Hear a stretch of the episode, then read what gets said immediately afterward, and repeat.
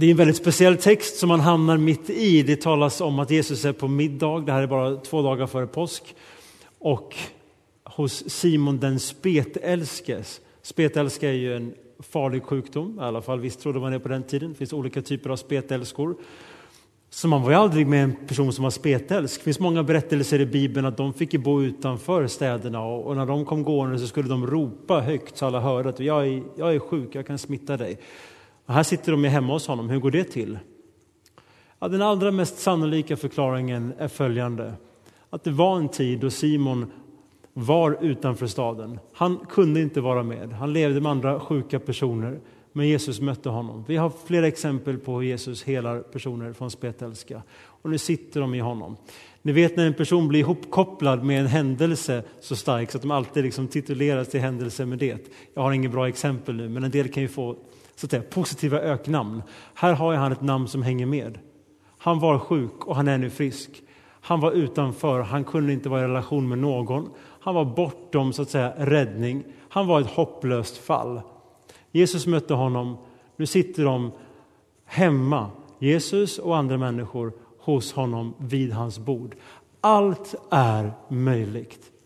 Det finns inga hopplösa fall. Det är inte ute med någon enda av oss. Påsken som Jesus hamnar, pratar om här, som vi står inför, den handlar om liv och död och död och liv och där döden inte segrar. Mörkret är inte det som vinner, utan friheten, evangeliet, livet, hoppet är det som segrar. Jag kommer återkomma till det lite tidigare, men en otroligt kraftfull berättelse det här. Och där sitter de vid bordet med en tidigare så att säga, man som ingen kunde vara med vid hans bord. Och de har en middag och mitt i det så kommer en kvinna som heter Maria in. Vem var hon? Ja, också en person som hade det svårare. Mest sannolikt så var det så att Maria hade två syskon, Marta och Lazarus. Det var tre syskon som bodde själva.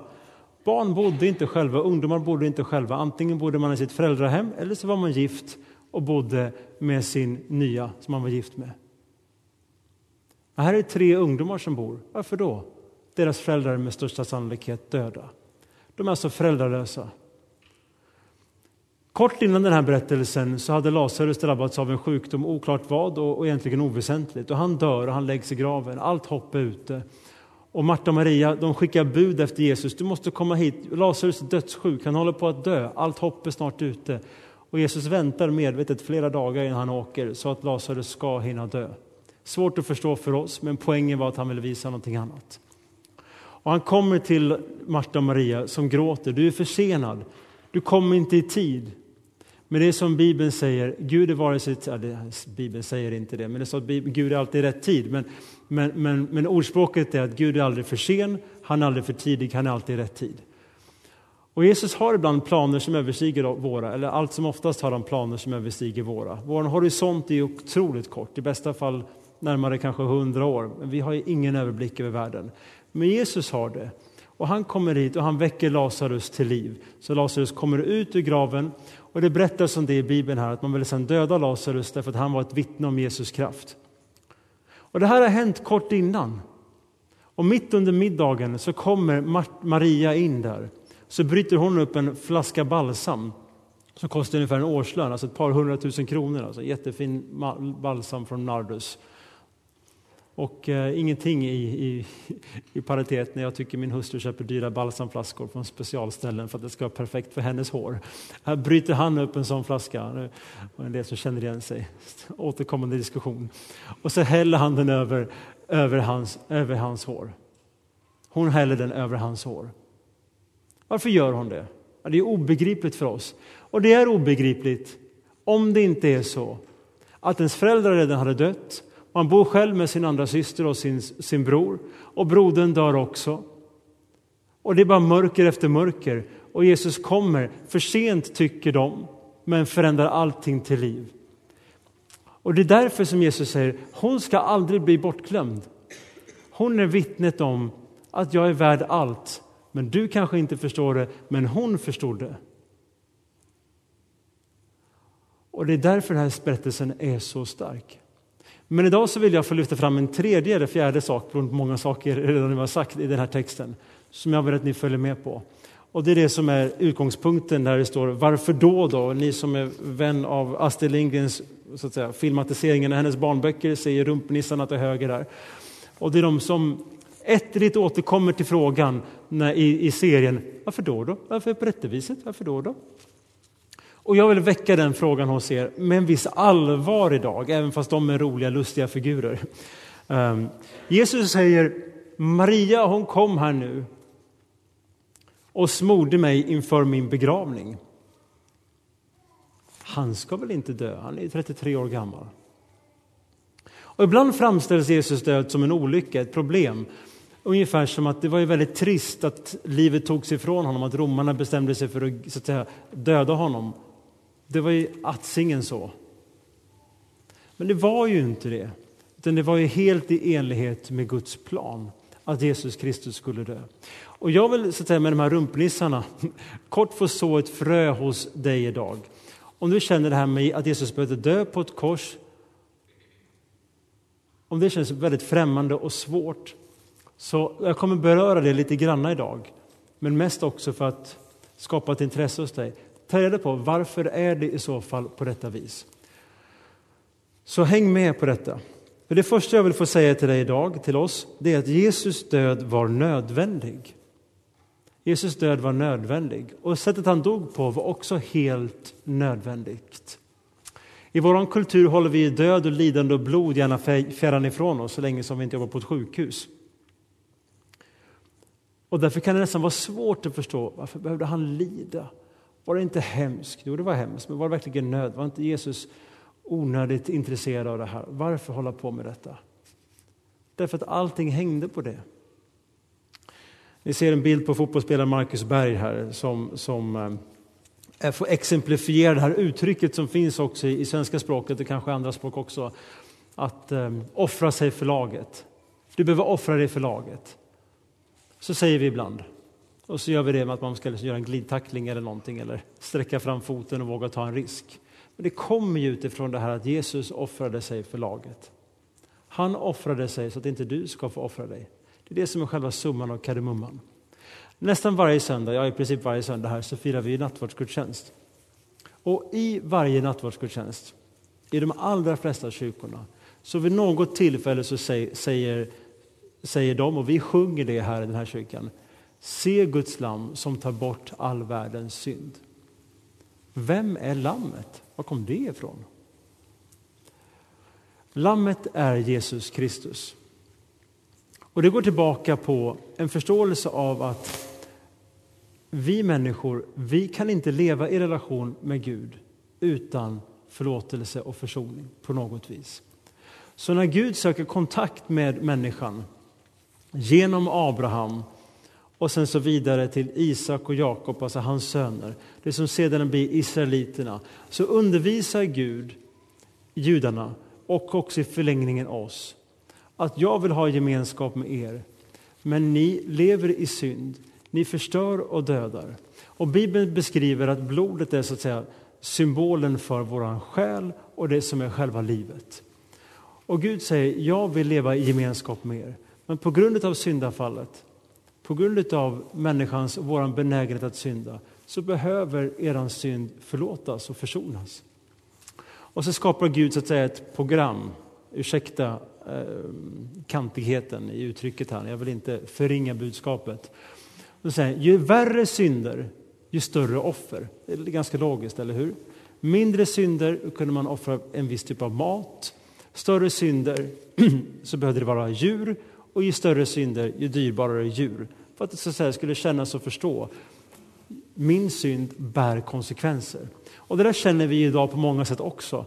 Det är bara det att de flesta bär det bara inom sig. Ju större synd, ju mer skuld som man inte vet hur man ska hantera, ju större skam, ju större ångest.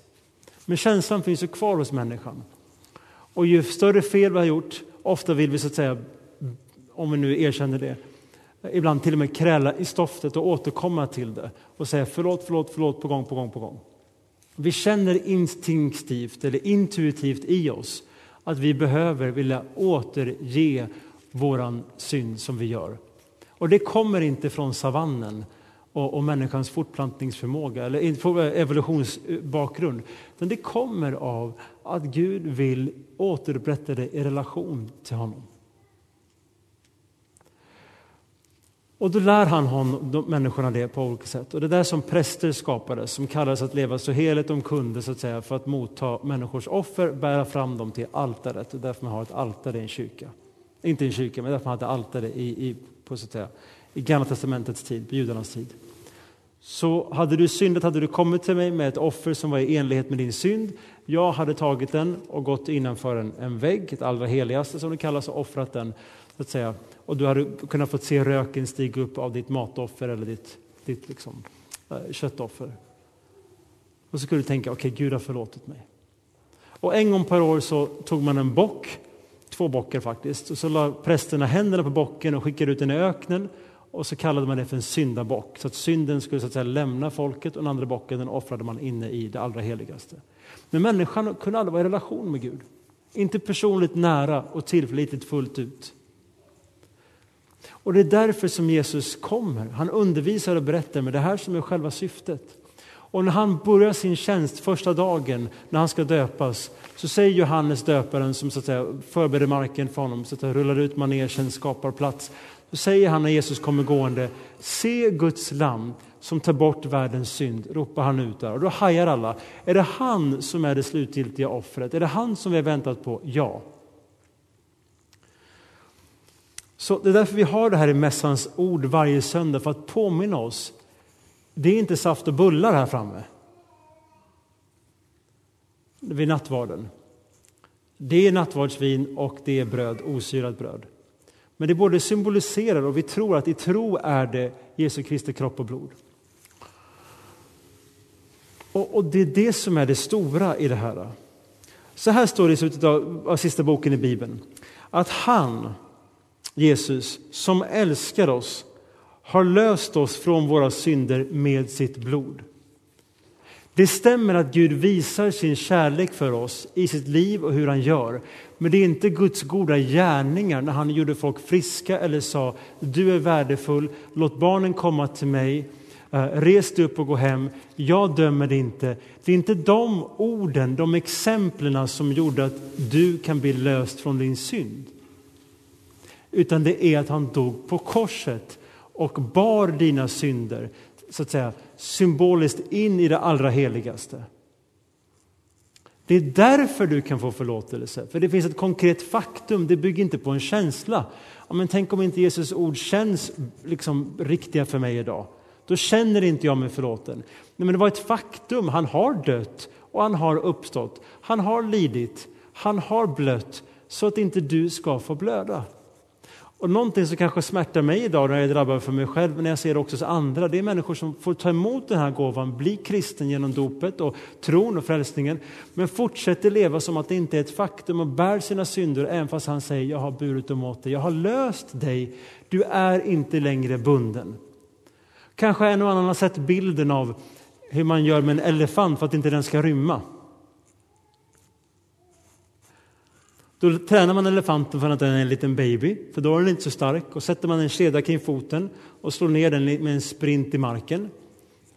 En stor liksom spik i marken. Och då kan inte elefanten gå.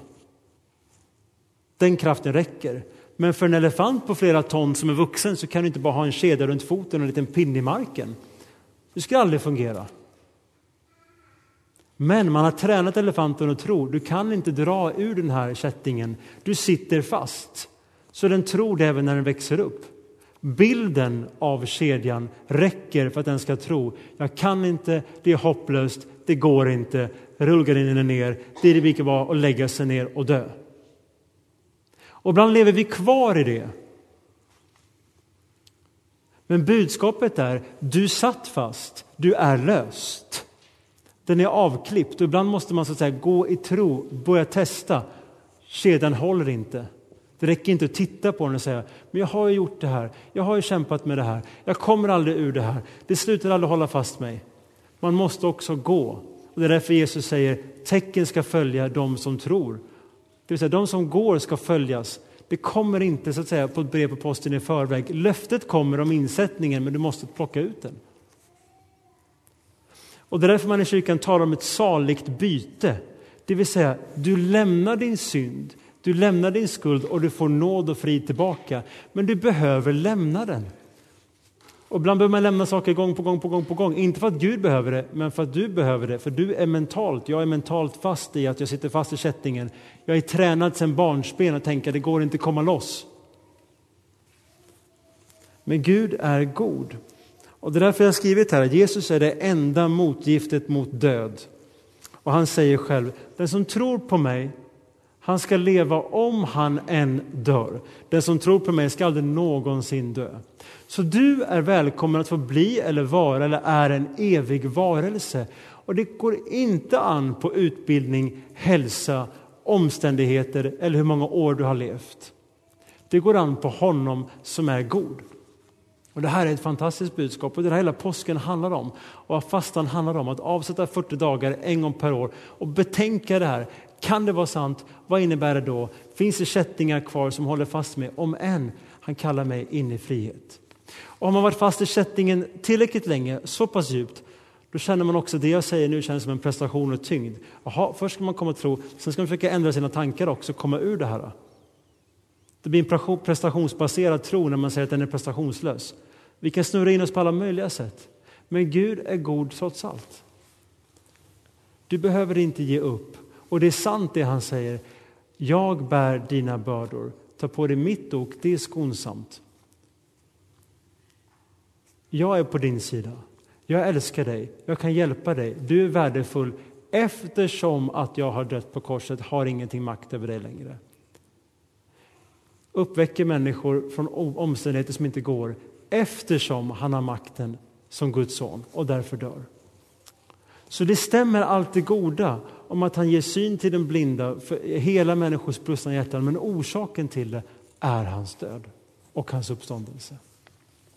Och därför vill jag få säga till dig och till mig idag, välkommen att leva i frid och välkommen att leva ut frid. Jesus säger om Maria när de skrattar åt henne, att hon tycker Jesus är så stor. Och ibland finns det människor som också idag hånas, även inom kyrkor och även utanför kyrkor. Ah, alltså, han eller hon, alltså, varför ska de alltid vara så glada under lovsången? Varför ska de alltid hänge sig och jämt vill de be och läsa Bibeln? Det kan vara så att de har mött en Jesus som du inte har mött. Att han är så stor för dem att utan honom klarar de ingenting annat. Deras mörker kanske var djupare än ditt. Så när du tycker någon beter sig mer så att säga känslosvallande så kan det bero på att de är som, som, som person. Men också att de hade en bror som var död, som inte har föräldrar som lever längre. Och han mötte dem. Och då blir liksom tacksamheten lite större.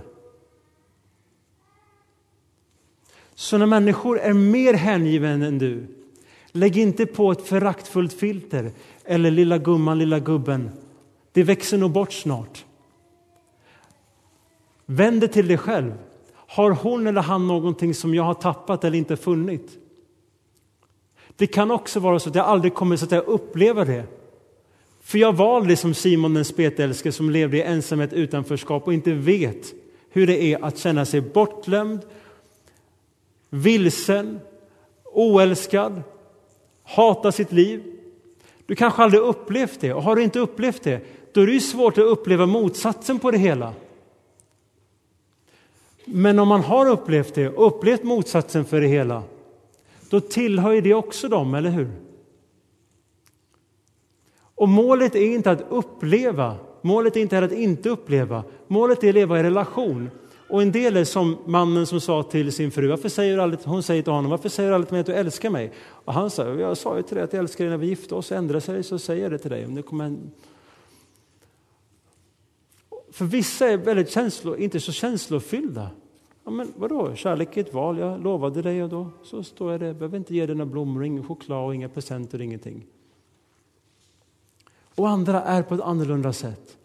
Men Gud är god och känner dig och mig. Men oavsett omständighet, du får leva i friden och du får leva ut friden till andra människor. Så som du är, enligt med din personlighet och med ditt bagage. Det står i Hebreerbrevet 10, ni har det framför er, vers 22. Låt oss därför träda fram inför Gud med uppriktigt hjärta och i full trosvisshet, med ett hjärta som renats och inte vet av någon synd, om en kropp som badats i klart vatten. Vet du, själva poängen är att du ska få se att det gamla är förbi oavsett om det var litet eller stort. Om det till och med är det som människor inte ens vill ta i med tång. Om de bara visste vad du hade gjort. Ja, då säger Bibeln, syftet är att du ska kunna få leva i full frihet.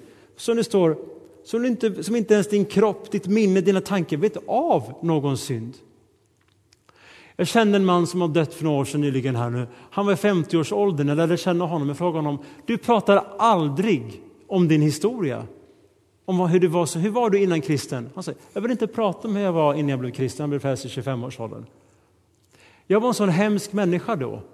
Men det spelar ingen roll. Min fru vet och Gud vet, men han har glömt och därför vill också jag glömma. Jag vill inte prata om mitt gamla liv. Jesus mötte mig och han gav mig valet. Vill du följa mig så får du följa mig. Och det är det inbjudande vi får. Du vet, vi tränar sig att älta allt det gamla av olika skäl. Ibland är det rimligt, ibland är det orimligt. Men Guds budskap är jag ser på dina misstag som du har bett om förlåtelse för som ett rent blad. Jag dömer dig inte. Jag dömer dig inte. Och ju mer du låter det ta till dig, ju lättare blir det för dig att på sikt, om du behöver tid, kunna sluta fördöma dig själv. Och det är det här budskapet vi behöver få in i oss själva och till människor omkring oss. En del människor kämpar med mycket ångestproblematik på grund av att det är kopplat till reell ångest. Och det är en annan typ av predikan. Det är inte det jag undervisar om idag. Nu talar vi om, om handlingar, synder man har gjort. Men en del människor kämpar med djup psykisk ohälsa, eller det behöver inte vara djup heller, men på grund av saker man har gjort kan man inte komma loss ifrån. Och det är det jag adresserar idag. Och Jesus Kristus, han tar det på sig så att du ska kunna få leva i frid. Det kanske låter som rappakalja för dig. Men du vet, vad då som rumpnissarna som säger, varför då då? Varför säger han så? Varför har kristna i 2000 år sagt i princip varje söndag, se Guds lam som tar bort världens synd? Det kanske ligger någonting i det. Jag tror det ligger mycket i det. I Hebreerbrevet 13 står det så här att vår inre styrka beror av Guds nåd. Guds nåd är att han har tagit på sig synderna och du får byta din synd mot hans förlåtelse. Vår inre styrka beror av Guds nåd. Och det är många som säger att din inre styrka beror på att du lär dig behandlingsterapier, lär dig sättet att tänka, att du uppnår dina uppställda mål, att du försöker bli en bättre version av dig själv.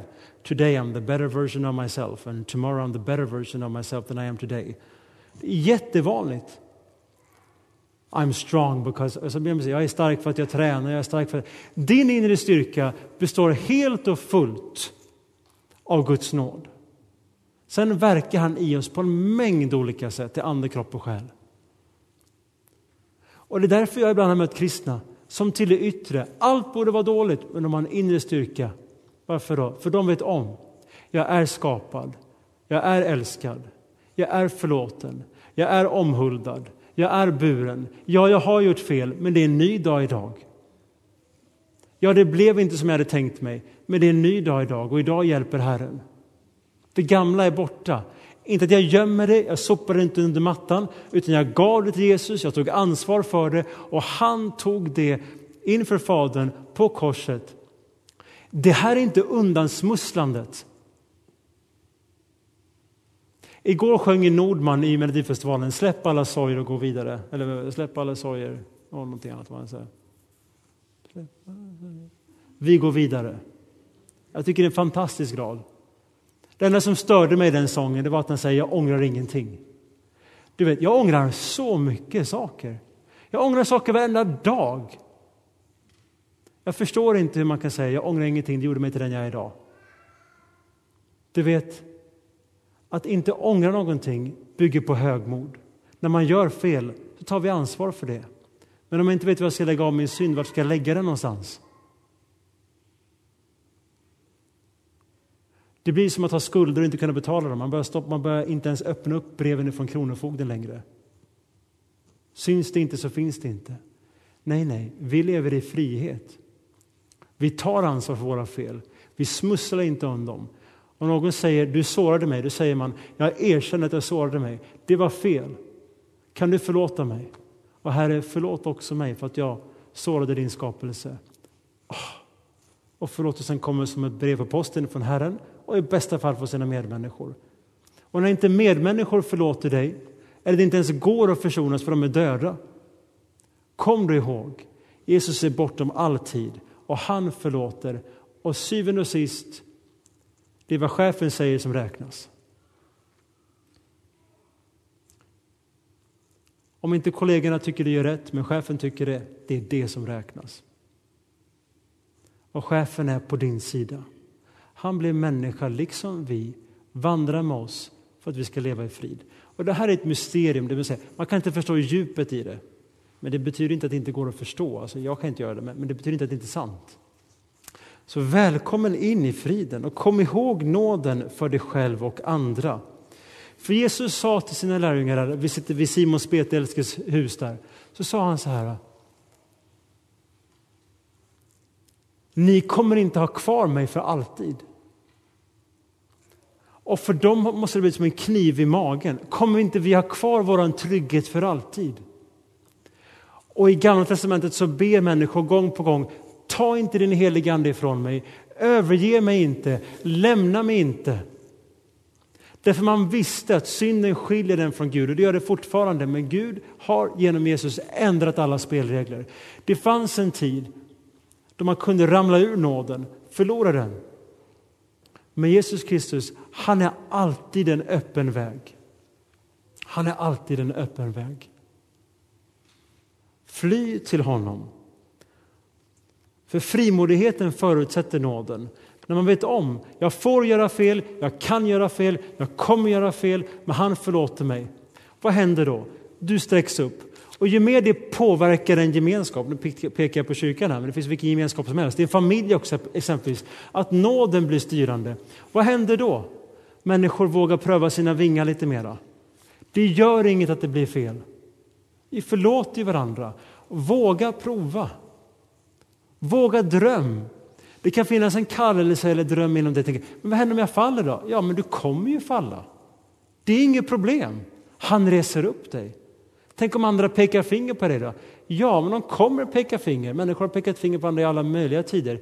Men Gud gör inte det. Och du kan börja omge dig med människor som vill vara Kristuslika. Kristen betyder Kristuslik. Så försök att vara det. Var barmhärtig mot varandra, även de du inte tycker om.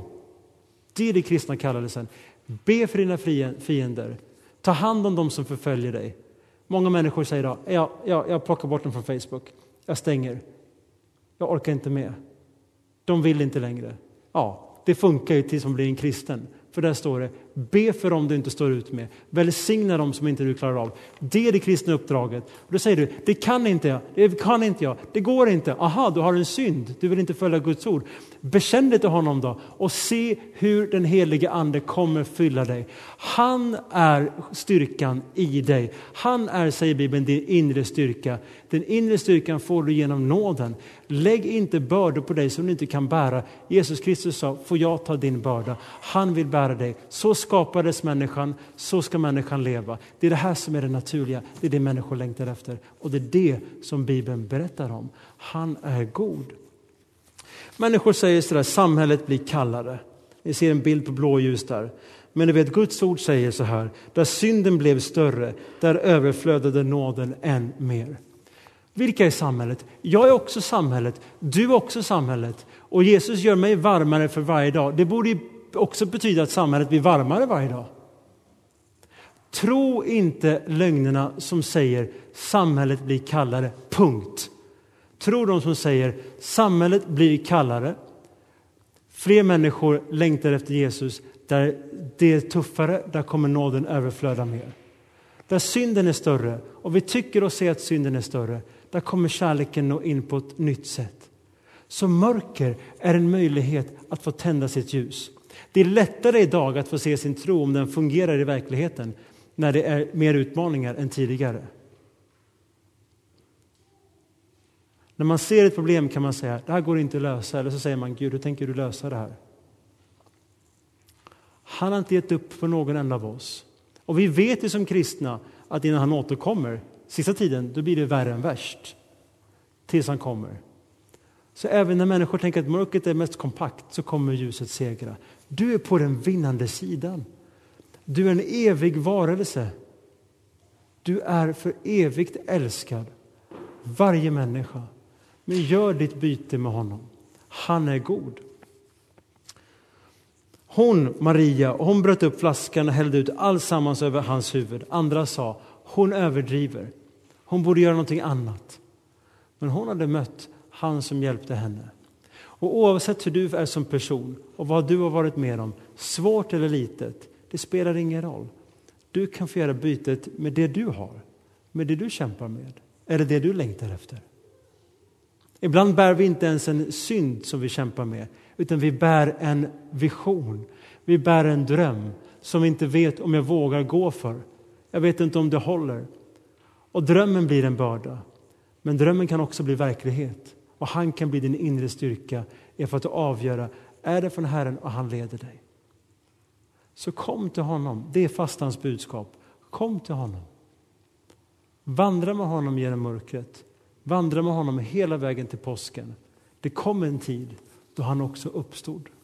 Och det är ett gott bud att ta med sig idag. Låt oss så få be tillsammans. Du får gärna stämma in om du vill och sedan kommer ett musikstycke där du kan få låta dina tankar och dina böner få ge utrymme. Jesus, tack att du dog för mig. Tack för den seger som du vann. Jag vill ge dig min tacksamhet och ära dig. Amen.